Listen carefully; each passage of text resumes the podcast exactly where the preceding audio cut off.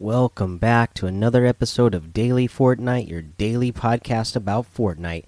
I'm your host, Mikey, aka Mike Daddy, aka Magnificent Mikey.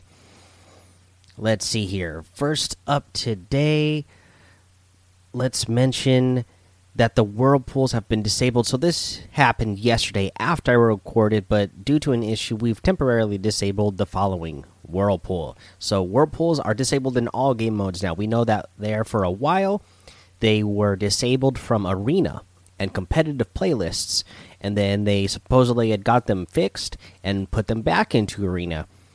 Uh, and now the issue is so bad that they've just removed the whirlpools from all game modes right now. So the whirlpools aren't working.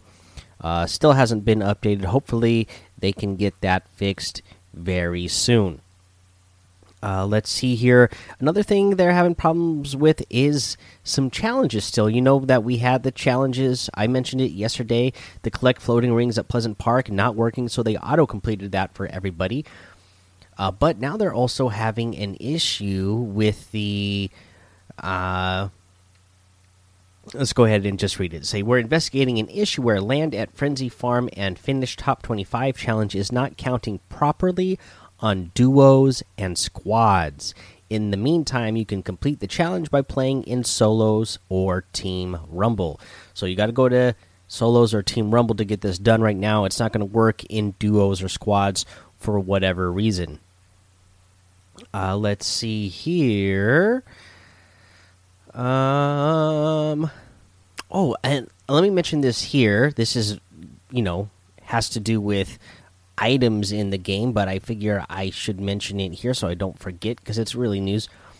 Is that uh, you know, and we're related back to the piece of news that we got yesterday. The PlayStation got a new deal with Epic, uh, or Sony got a deal with Epic, and uh, you know, we got a new PlayStation Celebration pack available in the PlayStation Plus store. So, uh, you know, if you if you are a PlayStation Plus user, you know, make sure you head to you know the PlayStation Store, go to the PS Plus section, and then there's like an added content section, and the Fortnite bundle will be in there, the latest one.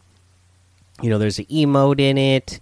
There is. Let me let me see. I think I didn't I didn't select any of it when I did it today. So yeah, so we got the introducing emote. Uh, there was a back bling, or no, no, no. There was a glider. Sorry, the stratosphere glider and the down arrow contrail. So those three items you get in that PlayStation pack. So yeah, you better uh, you know head to that PlayStation Plus section and make your claim again, I'm hoping that now that Sony's got a deal with Epic, that we will get even more of these in the future. Let's see here. What else? Uh, I think that's all for news, actually. So, uh, you know, let's go ahead and talk about it. I, like I said, I already have a video up for this, but I can tell you where to go to do the dance on camera for 10 seconds at Sweaty Sands. To do that challenge, you know, head to Sweaty Sands in what is that B three, and there is the dock that is at the north end of Sw Sweaty Sands, and then there's like the building that's at the end of Sweaty Sands on the dock. I can't remember what it is. I think it's like an ice cream shop or something. I can't remember. But but anyways, if you're heading north on the dock before you get to that building, you will notice that there is a small little dance floor with a camera and that is where you dance. To just dance on that uh, on that uh, dance floor. It'll be very obvious because it you know it's like those uh, disco ball neon lights uh, floors that you, like we see on the other dance floors around Fortnite. So you'll see a small little square there. That's where you dance and get that challenge done. And again, if you need the visual, I have a video for it up on YouTube already. Uh, let's see here, guys. Let's go ahead and take our break here. All right, and let's go over today's item shop.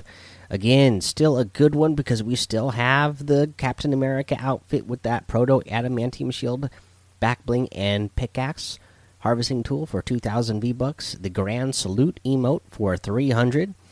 We still have the Beach Bomber outfit with the Bright Board backbling for 1,200, the Bright Stars wrap for 300, and the Payload Glider for 500. Again, still the double agent pack for 2,500 in here. You know, all three of those skins and three back blings. Love it. The Shadow Pickaxe pack for 1,200. So, all three of those harvesting tools that go with those uh, double agents. And that that is working now. So I don't remember if I updated that yesterday or if that update had been out yet. But I know there was problems with uh, purchasing this pack yesterday, but that has been resolved, so you will be able to purchase that now. In the rest of the item shop, we got some good stuff. We got a new outfit.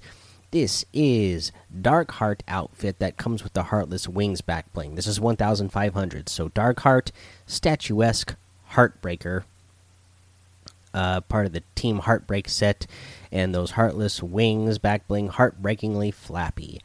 I you know I always have a hard time remembering what the original was, but this is a reskin of you know the the the Cupid, the female Cupid one. I can't remember the name of that one. Anyways, this one is you know she's made of stone as well, only she's got uh, purple clothes instead of white. Purple eyes. She's got horns coming out of her instead of being an angel.